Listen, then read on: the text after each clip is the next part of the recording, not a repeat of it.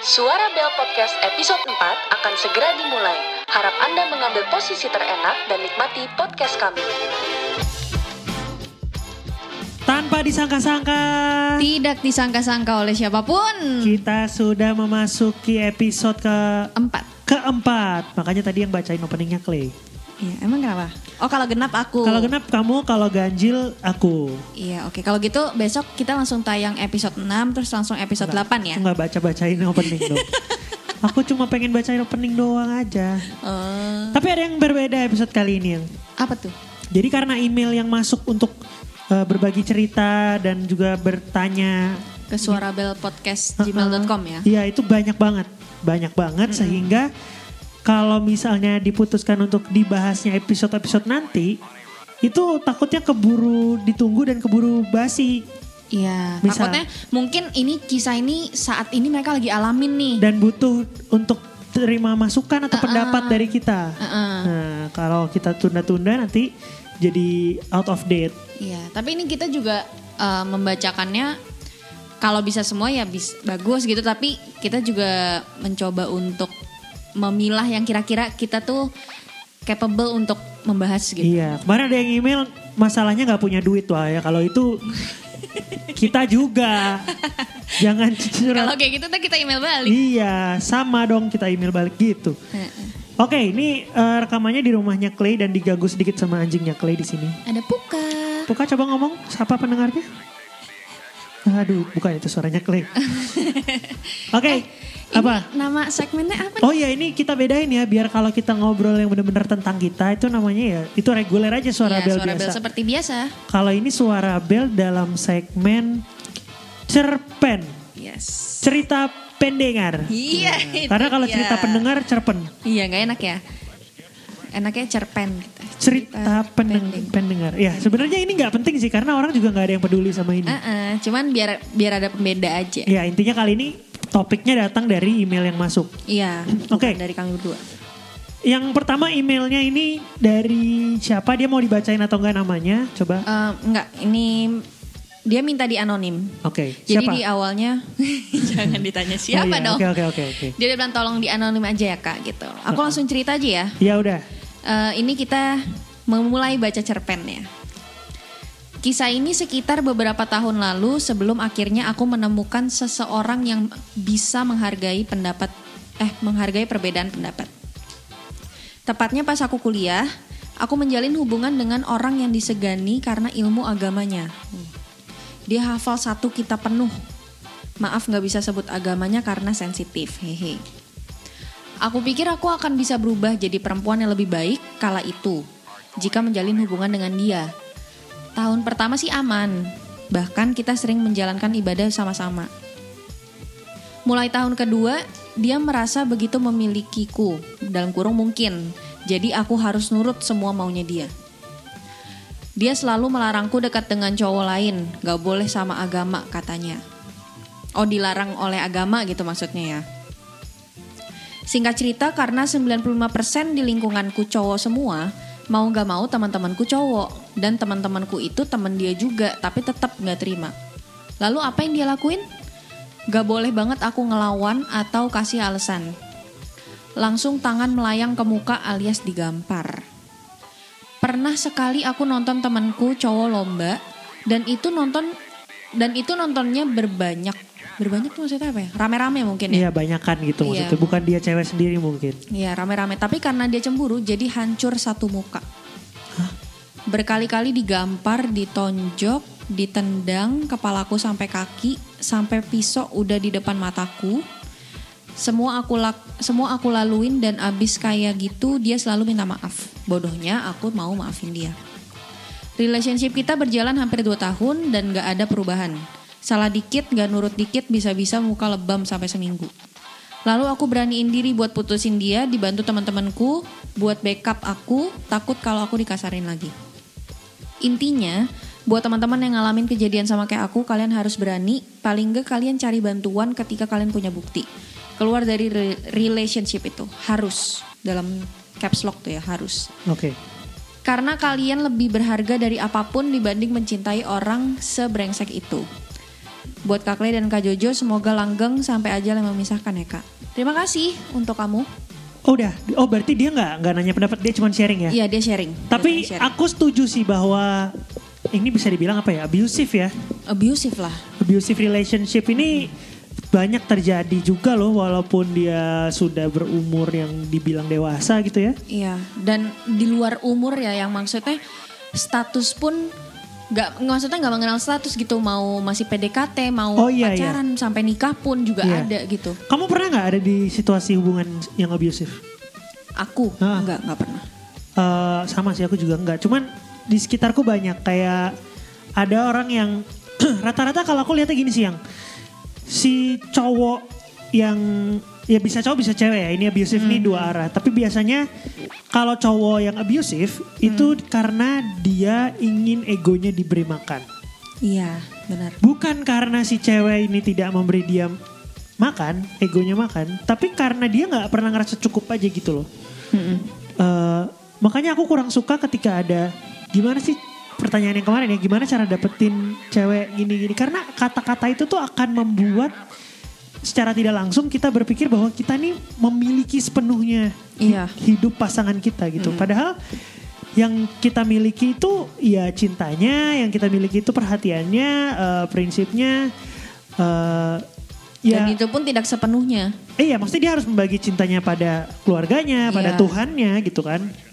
Bukan membagi cinta sih, tapi itu kan kita nggak bisa dong memaksa orang untuk cinta sama kita tok, nggak boleh sama yang lain, sama keluarga nggak Uh-uh. boleh. Ya nggak gitu, Iya. gitu loh. Jadi kalau menurutku sih eh, itu karena kalau cowok yang abusive biasanya karena dia tidak, dia merasa sudah terlalu memiliki sampai-sampai dia nggak bisa ngelihat ceweknya itu eh, berbuat baik pada yang lain. Iya, tadi tadi kan dia juga mention di situ kan, Ah. eh, di mulai di bulan keberapa atau apa gitu. Itu cowoknya itu mulai mungkin mantan ya mantannya. Iya, ini mantannya, ini. udah- udah putus. Mantannya itu udah mulai merasa kayak memiliki dia sepenuhnya gitu. Makanya itu yang ngebikin mulai ada tanda-tanda abusive gitu. Ya, aku dan Clay sih di sini bukan psikolog, bukan psikiater. Kita kita nggak punya basic itu sih. Cuman se- sekali lagi ini disclaimer bahwa yang disampaikan saat ini di podcast murni pengamatan kita dari mata awam aja sih. Jadi kita juga nggak punya basic itu. Mungkin bisa di cross check dengan yang punya ilmu eh, psikologi gitu. Tapi kalau aku ngelihatnya gitu. Nah, tapi cowok-cowok yang seperti itu itu biasanya punya kecenderungan kalau minta maaf mulutnya manis banget. Bener, Kenapa ya? bener. Kenapa ya? Dulu Kayak kayak di film ini posesif. Iya, kayak si Adipati. Adipati di situ. Itu kalau kalian nonton itu ya, kayak gitu tuh orang-orang yang eh, apa namanya? Yang abusive gitu ya mungkin ya. iya, kalau minta maaf Kalau minta maaf tuh kayaknya mungkin itu yang ngebikin kenapa em, cewek maupun cowok yang menjadi dalam tanda kutip korban abusive relationship itu em, bisa jatuh berkali-kali untuk maafin lagi, kayak maafin lagi. nerima lagi gitu. Iya, Aduh, ini sih ada satu contoh dan aku juga nggak mau sebut ya. iya. Ada satu contoh lah. Eh, temanku ini cewek, Mm-mm. dia pa- punya pacar dan pacarnya itu abusive.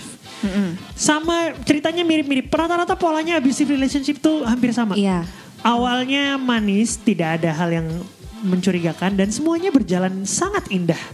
Kayak semuanya dia merasa di treat sebagai princess gitu. Eh, ya pokoknya semuanya indah. Ya pokoknya segimananya lo mem- kayak lo punya satu barang yang Dijaga buat, banget. Ya buat lo tuh itu udah ini bu- punya lo seut, se- seutuhnya gitu. Pasti lo Iya. jaga banget kan. Nah, masalah ke- mulai timbul ketika si pasangan yang akan abusive ini eh, dia merasa memiliki lebih dari yang seharusnya gitu kan.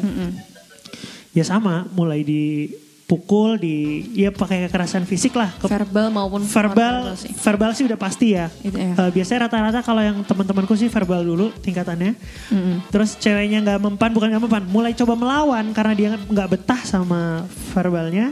Pak. Nah akhirnya jadinya fisik. Fisik nggak nggak mempan, ngancem.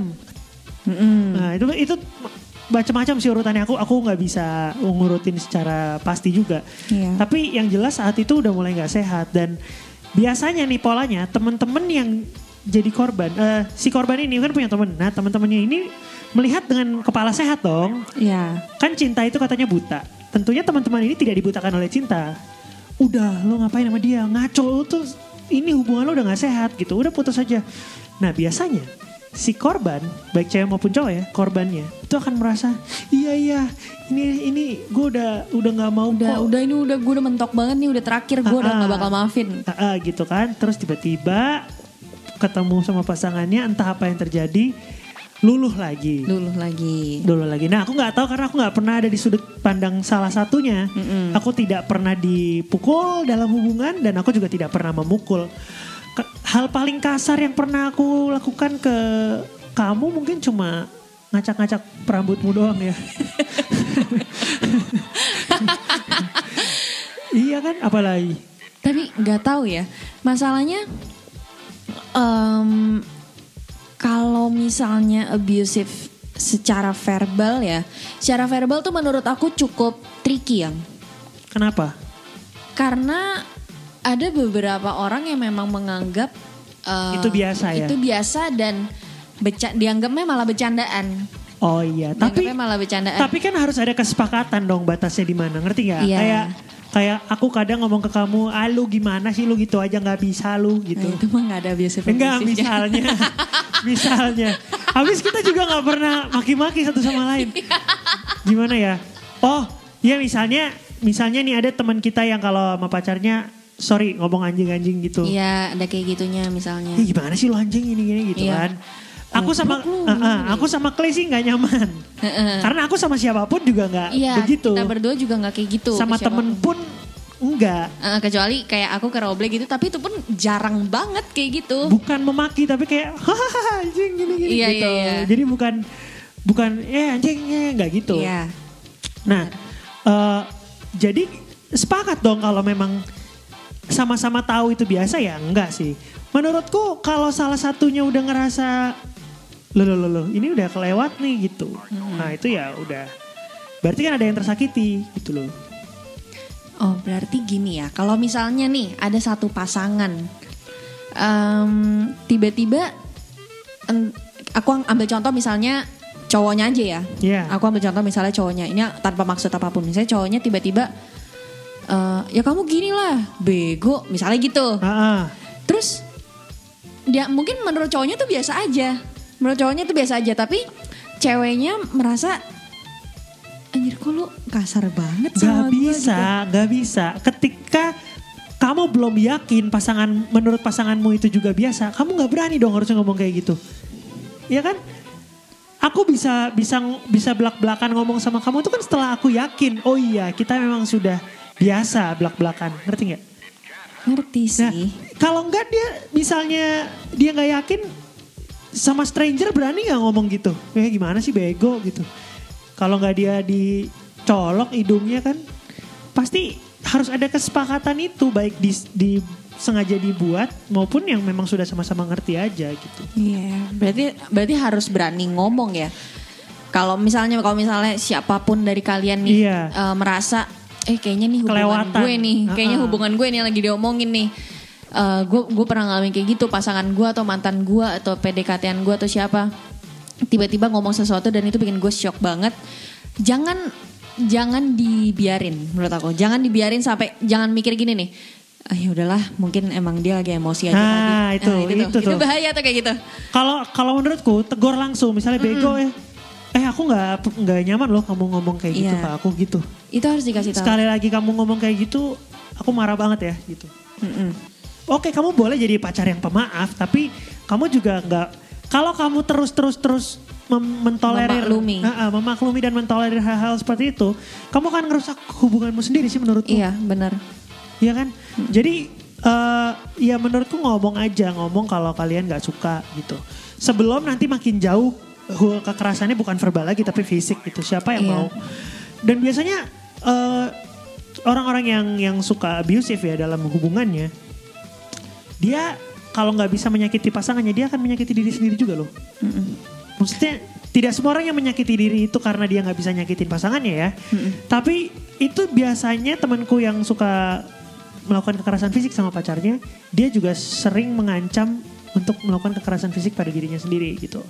Itu dia menemukan kepuasan atau gimana ya? Nah nggak ngerti itu itu kita tanya psikolog aja sih kalau Iya. itu. Cuma kalau aku pribadi amat gini deh, buat kalian yang saat ini mungkin berada dalam hubungan yang abusive, sebaiknya kalau menurutku kalian harus ngomong sih. Terlepas dari nanti kalian mau disuruh putus atau kalian di diomelin sama orang tua kalau ketahuan. Tapi menurutku itu toxic dan eh, nggak sehat aja sih gitu.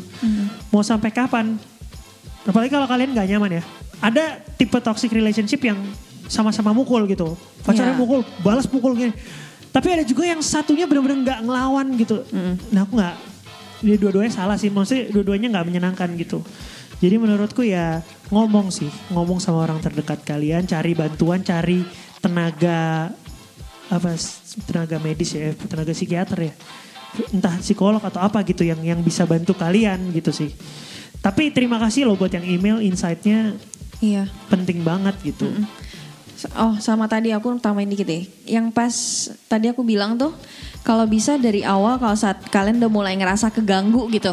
Iya. Udah mulai ngerasa keganggu dan kalian mau langsung ngomong kayak eh kamu jangan kayak gitu lagi aku nggak nyaman loh dan lain-lain dan lain-lain.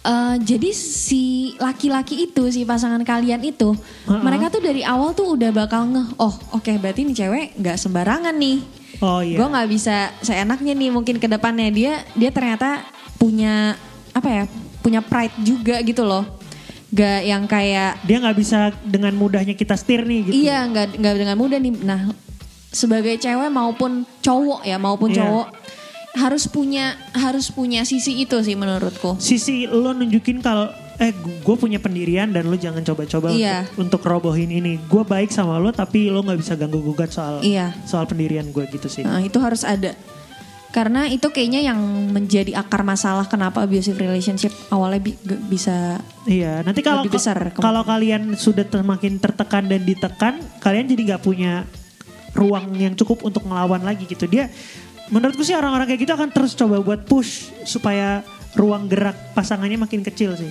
Jadi sebelum kalian tambah kecil, kalian harus bisa That's bikin right. pagar. Oke, eh, terima kasih buat cerita yang pertama. Sebelum kita lanjut ke cerita yang kedua, ada iklan dulu yang mau lewat, Bu Klerin. oke kita dengarkan dulu Mantap. Terima kasih kita balik lagi. Eh ini ada email kedua. email kedua Siapa yang mau baca ini? kamu deh Ya udah aku ya. gantian Ini dari cerpen kedua Oh dia nggak mau nyebut namanya juga. oke Eh dia nggak bilang sih. Ya udah nggak usah lah ya. Mm-mm.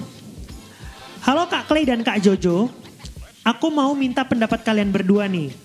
Jadi gini Kak, aku lagi deket sama cowok. Cuma dia kemarin ngejalanin hubungan hampir lima tahun sama mantannya. Sampai mau tunangan gitu Kak. Cuma si ceweknya ini nggak mau. Oh tunggu tunggu. Oh jadi dia yang ngirim email ini cewek.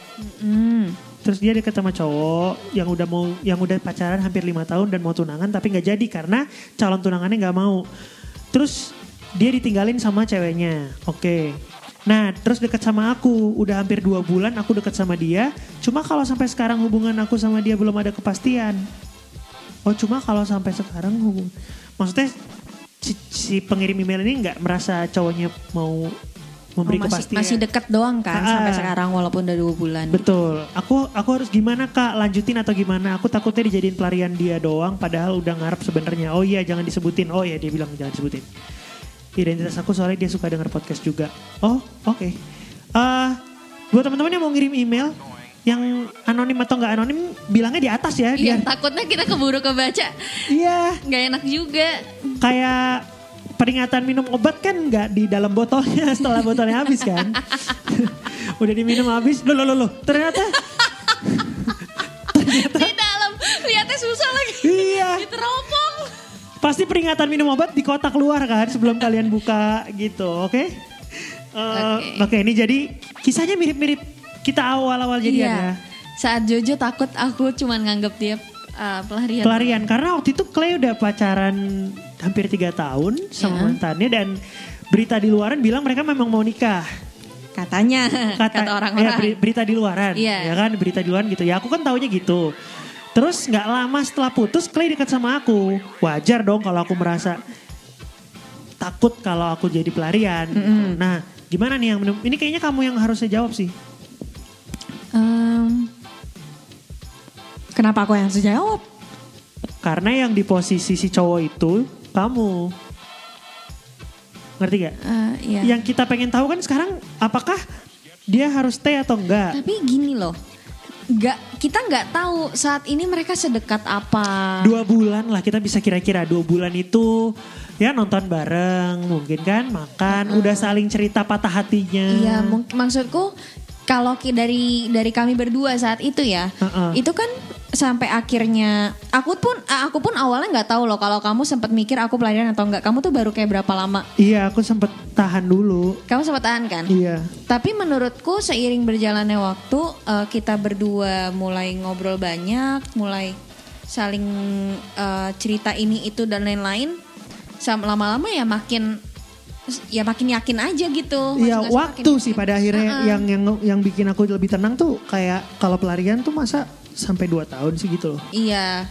Terus juga kalau misalnya mu- kalau kamu ngerasa sampai ada ngerasa mikir ada jadi pelarian dan lain-lain cuma gara-gara kepastian, Heeh. ya menurutku kasih waktu aja it's okay sih, nggak Karena masalah. karena nggak ada yang bisa jamin juga kayak Iya. kamu dikasih kepastian nih oke dipacarin. Oke pacaran. Even kamu dikasih cincin tunangan nggak ada yang bisa memastikan hati kecil dia kamu pelarian atau enggak. Iya itu loh maksudku. Maksudku em, dinilai dari sisi lain aja dari aspek yang lain aja. Misalnya dia mulai lebih em, bahas ini itu sama kamu. Dia mulai apa ya gimana ya ngomongnya? Kayak Apa? Misalnya gimana? kayak biasanya tuh kelihatan gitu orang-orang yang kayak cuman sekedar pel- pelarian atau yang Oh, masih orang iya. yang belum bisa move on gitu tuh kan kelihatan kan Iya iya iya benar. Maksudku mungkin dia juga butuh proses healing sama dirinya sendiri. Betul. Karena itu kan enggak, itu bukan waktu yang sebentar gitu. Oh, aku sih dulu ya waktu sama kamu akhirnya mindsetku gini sih yang kalau memang ini pelarian, pastikan dia stuck di pelarian ini. Ngerti gak? Kalau aku pelarianmu, Hmm. aku bakal pastiin kamu nyasar di pelarianmu dan nggak bisa keluar lagi. Oke. Ngerti nggak? Jadi kalau kalau memang kamu pelarian ya si pengirim email ini, pastikan itu jadi pelarian yang terbaik. Jadi dia nggak punya pikiran lagi untuk balik ke tempat That's asalnya. right. Gitu sih. Heeh, benar. Karena dari yang awalnya pelarian nggak nggak ada yang nggak ada yang salah dari itu. Kalau ternyata pelariannya menyenangkan, kenapa harus pulang ke Iya, rumah iya, awal gitu loh? Bikin dia merasa nyaman. Karena kan enggak enggak mung yang enggak enggak mungkin enggak bisa dipungkiri dia pasti ada rasa hancurnya masih ada lah. Pasti ada lah, ada rasa sakit hati dendam tuh Iya. ada gitu. Dan bisa bisa juga dia bahkan nggak tahu saat ini perasaan dia kayak gimana. Iya, dia cuman kalau ditanya kamu pelarian nggak? Dia pasti jawab enggak kan? Nah, Iya, dia pasti karena jawab. memang di hati kecilnya dia rasa enggak. Heeh. Aku jujur ya, aku pernah pelarian. Oh serius. iya, Terus aku pernah uh, putus sama orang, terus kemudian aku uh, akhirnya setelah sekarang aku sadar, ya let's say itu pelarian gitu ya. Tapi saat itu aku nggak mikir itu pelarian, aku beneran sayang dan cinta sama orang itu. Sampai akhirnya lama-lama sakit hatiku sembuh, Mm-mm. patah hatiku sembuh dan aku baru sadar semuanya. Oh ternyata gue nggak, gue bukan sayang sama orang ini, gue cuma nyaman aja. Oke. Nah kesannya jadi jahat kan gitu. Iya, nah iya. jangan jangan sampai gitu. Pastikan ketika lukanya sembuh, kamu tetap jadi orang yang menyenangkan Mm-mm, dan benar. dan tetap ada sparksnya gitu loh. Jadi menurut kamu dia ini apakah melanjutkan saja atau Kalau menurutku sih jalanin aja ya. ya ya, jalan jalanin aja, karena nggak ada yang rugi gitu. Rugi apa sih? Rugi waktu, rugi ten- rugi tenaga. Ya kamu sambil kontrol juga, jangan sampai jatuh terlalu dalam. Tapi juga jangan maksain sih. iya jangan jangan maksain dan jangan ditanya kayak kamu serius nggak sih? Ya jangan deh. Orang kalau habis patah hati apalagi pacaran lima tahun gagal tunangan ya digituin tuh bisa kayak Iya, wah lo nggak lebih baik dari mantan gua bisa gitu ntar iya jadinya. benar. Karena nggak bisa dipungkiri isi kepalanya mungkin 60-70% masih soal patah hatinya sih. Mm-mm. Ya lima tahun, lima tahun. lama banget loh itu. lima tahun buat nyicil mobil aja kelamaan. nyicil mobil aja lim, tiga tahun.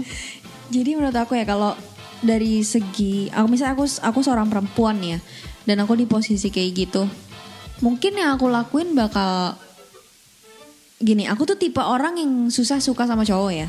Jadi sekali aku suka sama cowok, itu aku akan langsung mikir, oke, gue mau perjuangin dia. Iya. Sama kayak pas aku eh, akhirnya sama Jojo. Itu aku mikir kayak gitu, oke, gue mau perjuangin dia. Nah saat aku udah mikir aku mau perjuangin dia, em, udah aku aku bahkan gak gitu mikirin tuh dia dia beneran mau dek, mau suk- mau sama aku atau enggak, dia beneran mau ini atau enggak. Yang penting gimana caranya aku ngebikin kal ngebikin kayak dia tuh yakin kalau gue loh orangnya gitu. Iya gitu loh. Jadi perjuangan itu dia harus dimulai dulu gitu. Berjuang aja dulu. Tapi itu lagi sekali lagi kalau ternyata perjuangannya gagal, ya kamu juga harus punya sisain kekuatan buat Iya. buat nyembuhin, buat balik, buat ngelawan gitu. Jangan Benar. jangan selesai selesainya jangan pakai dendam, jangan pakai hat- eh, patah hati, jangan pakai kepahitan gitu. Jadi eh kontrol aja sih emang susah tapi ya kontrol aja kamu ya mau mau sama dia nggak gitu. Iya. Kalau mau ya harganya ini harus dibayar memang gitu. Mm-mm. Apa resiko patah hati? Ya semua juga ada resiko patah hatinya. Iya. Yang nikah berpuluh-puluh tahun juga pada akhirnya patah hati juga ada. Mm-mm. ya main lah kalau kalau ada kuis gitu ya main aja main games gitu anggap aja kayak kamu tuh lagi hidupkan pertaruhan ya lagi lagi gambling aja gitu ya udah ambil resikonya tapi siap untuk eh, resiko yang buruknya gitu sih Prepare for the worst aja.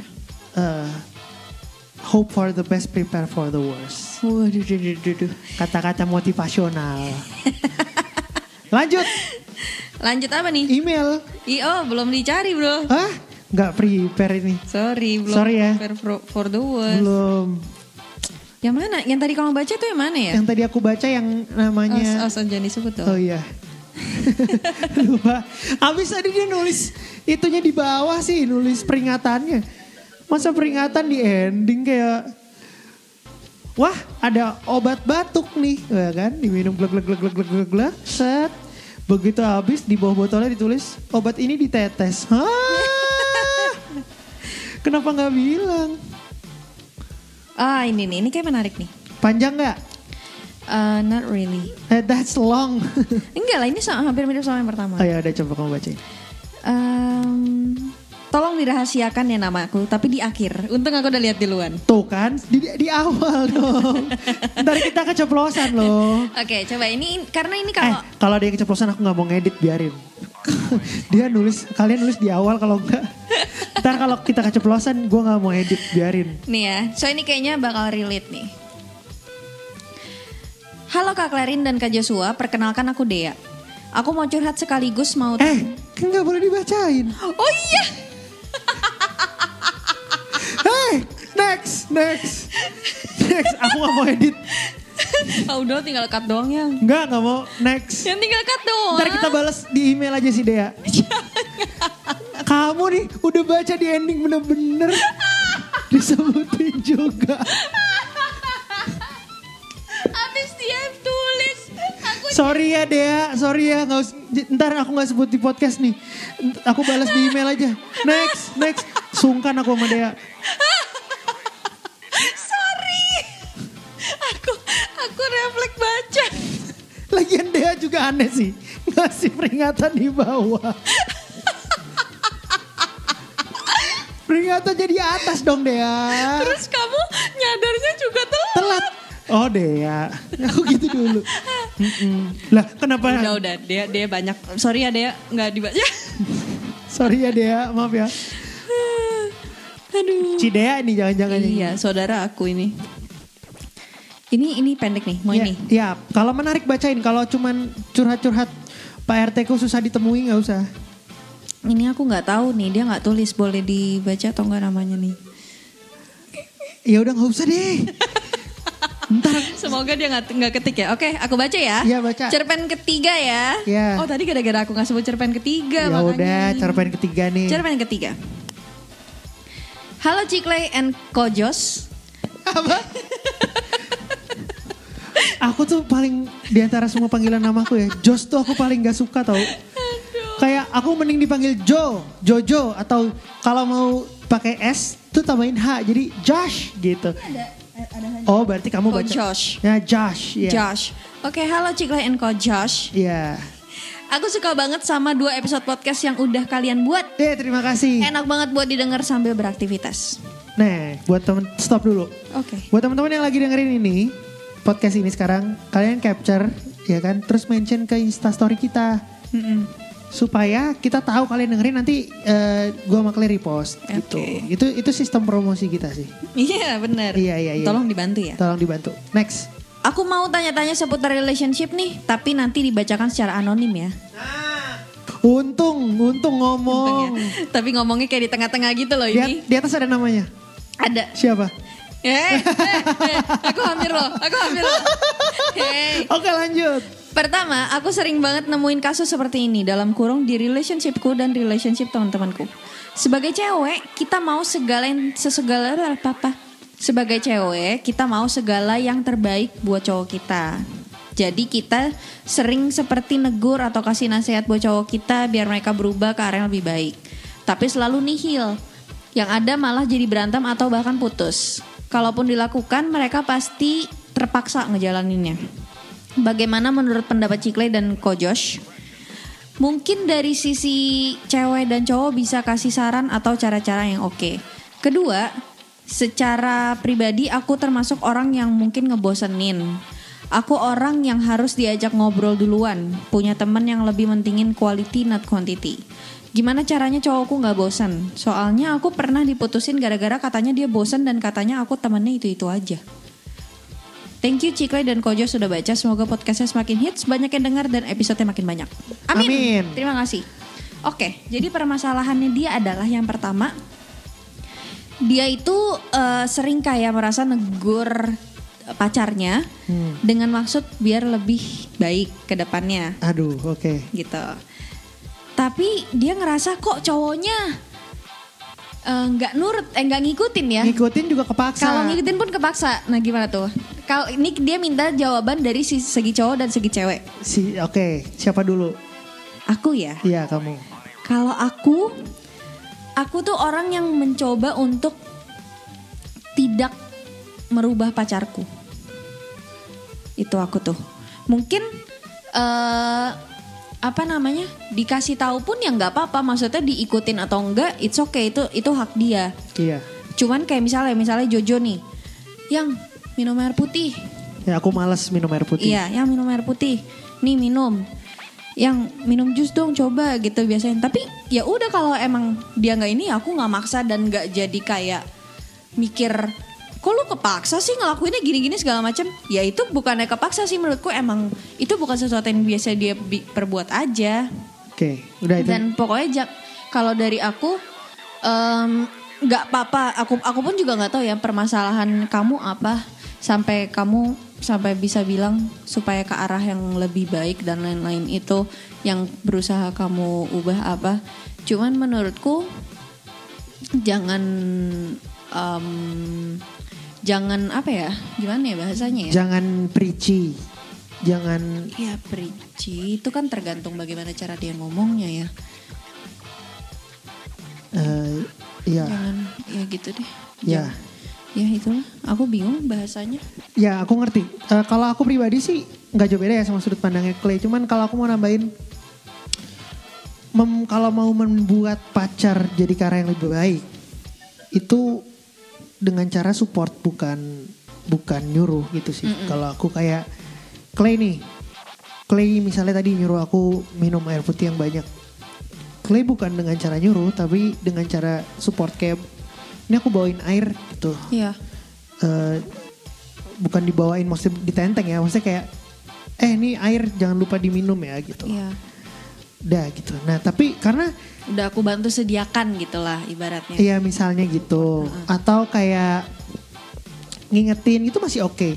Cuma kalau jadi kayak hal itu kan hal simpel ya. Kalau yang kamu maksud nih hal besar kenapa kamu terima dia dengan kondisi yang menurutmu tidak baik itu ngerti nggak Hmm. kalau memang daripada capek-capek kamu harus mengubah seseorang, kenapa nggak kamu pilih yang sesuai sama yang kamu jalani aja gitu? apa ya misalnya aku dari tadi nyari contoh kasus Iya, sih. aku juga cari Bek, makanya. Misalnya dia pengangguran. Oh, nggak mau kerja gitu, Nah, males. Males, males gitu kan, males. Nah daripada kamu marah-marah nyuruh dia kerja, bla bla bla bla bla bla, pasti waktu PDKT kamu tahu nih, ah ini kayaknya cowok nih nggak nggak suka kerja, nggak bisa kerja, pengangguran. Tapi kan kamu pacarin dengan harapan kalau gue ubah bisa kali dia berubah gitu. Mm-mm. Tapi ternyata enggak, akhirnya jadi masalah. Ya daripada kayak gitu mending dari awal kalau kamu kriterianya bukan yang malas kerja. iya malas kerja ya cari aja yang jangan malas kerja gitu. Mm-mm. Iya kan daripada susah-susah mengubah seseorang. Tapi banyak loh orang yang ngerasa gitu yang ngerasa pacaran karena dia ngerasa dia bisa mengubah Bisa ngubah. mm-mm. kayak uh, istilahnya apa ya? Stray puppy gitu loh kayak oh dia lucu banget walaupun dia berantakan hidupnya tapi gua tuh bisa jadi penolong dia.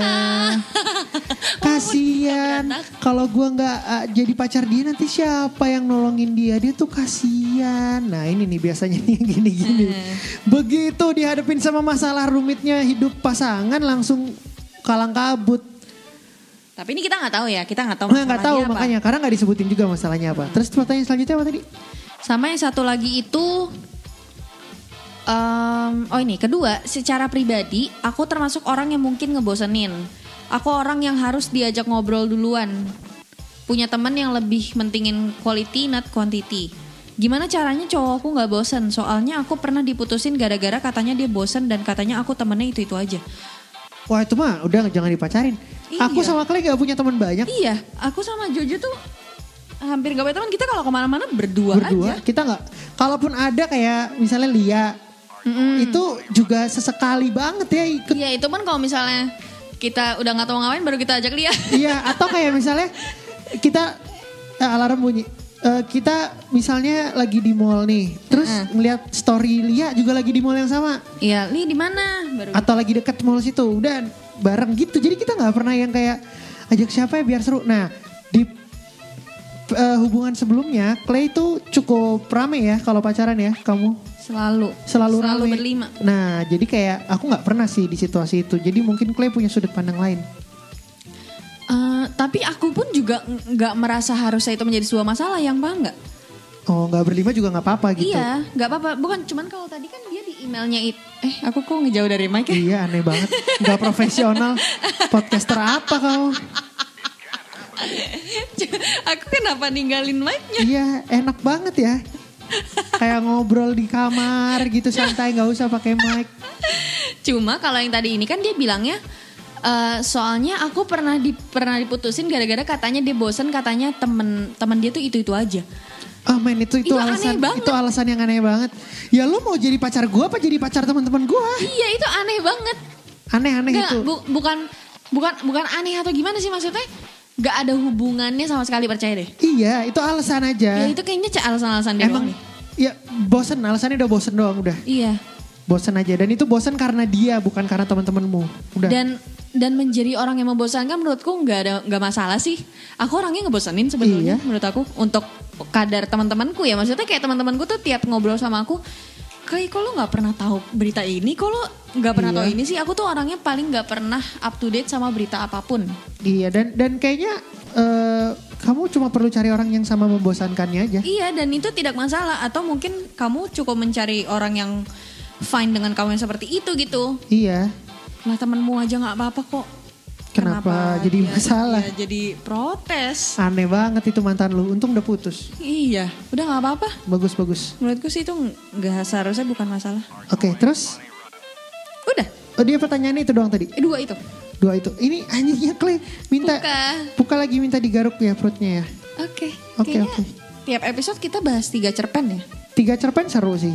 Heeh. Bentar, buka bentar dulu. Aku mau lihat ini menitnya menit keberapa. Oke? Gim- Ya ampun dia nggak mau turun dari dari aku gimana Nih nih? lihat nih. Iya nggak bisa. Kenapa mic-nya disodorin ke Puka? Satu itu mic dan Puka nggak ada suaranya. Kedua nggak bisa dilihat juga. Ayo bangun ya. Ini ini Puka. Puka. Puka angkat dulu. Sini. Puka sana dulu. Aduh. Hah. Berapa menit? Oh masih 40 menit. Oke. Jadi Ya cukup lah. Untuk episode cerpen ya. Cerpen kita ketemu lagi mungkin minggu depan ya. Kita masih nggak tahu sih ini mau ditaruh Iya. hari apa tayang berapa kali gitu. Bahkan Tapi yang kita masih bingung nih mendingan seminggu sekali atau seminggu dua kali. iya, jadi masih ngeraba-raba banget. Doain aja mudah-mudahan cepat besar dan banyak sponsor yang masuk. Oh iya, Betul. buat teman-teman yang punya brand atau punya apa yang mau sponsor Adlibs kita promoin 30 detikan gitu di di podcast ini boleh loh. Iya, Eh, email aja ya ke Suarabel ya. Mm-mm, benar. suarabelpodcast at gmail.com nanti kita kasih price, price listnya Eh, murah lah dijamin tidak membuat kantong anda jadi Kantong. aduh segitu doang ya udah sampai ketemu di episode selanjutnya terima kasih Terima kasih untuk cerpen-cerpennya. Ditunggu. semoga Yang lain lagi. Iya, semoga bermanfaat dan semoga juga tadi yang email ter ini ya Terjawab ya. terjawab gitu dan kalau tadi ada yang nggak nanya sih ada yang pengen sharing Ada yang doang pengen sharing aja yang pertama ya. nggak apa-apa juga Yuk, siapa lagi yang ini silakan email ke suarabelpodcast at gmail.com. dan ditulis anonim atau enggaknya di atas ya Terima kasih semuanya. dadah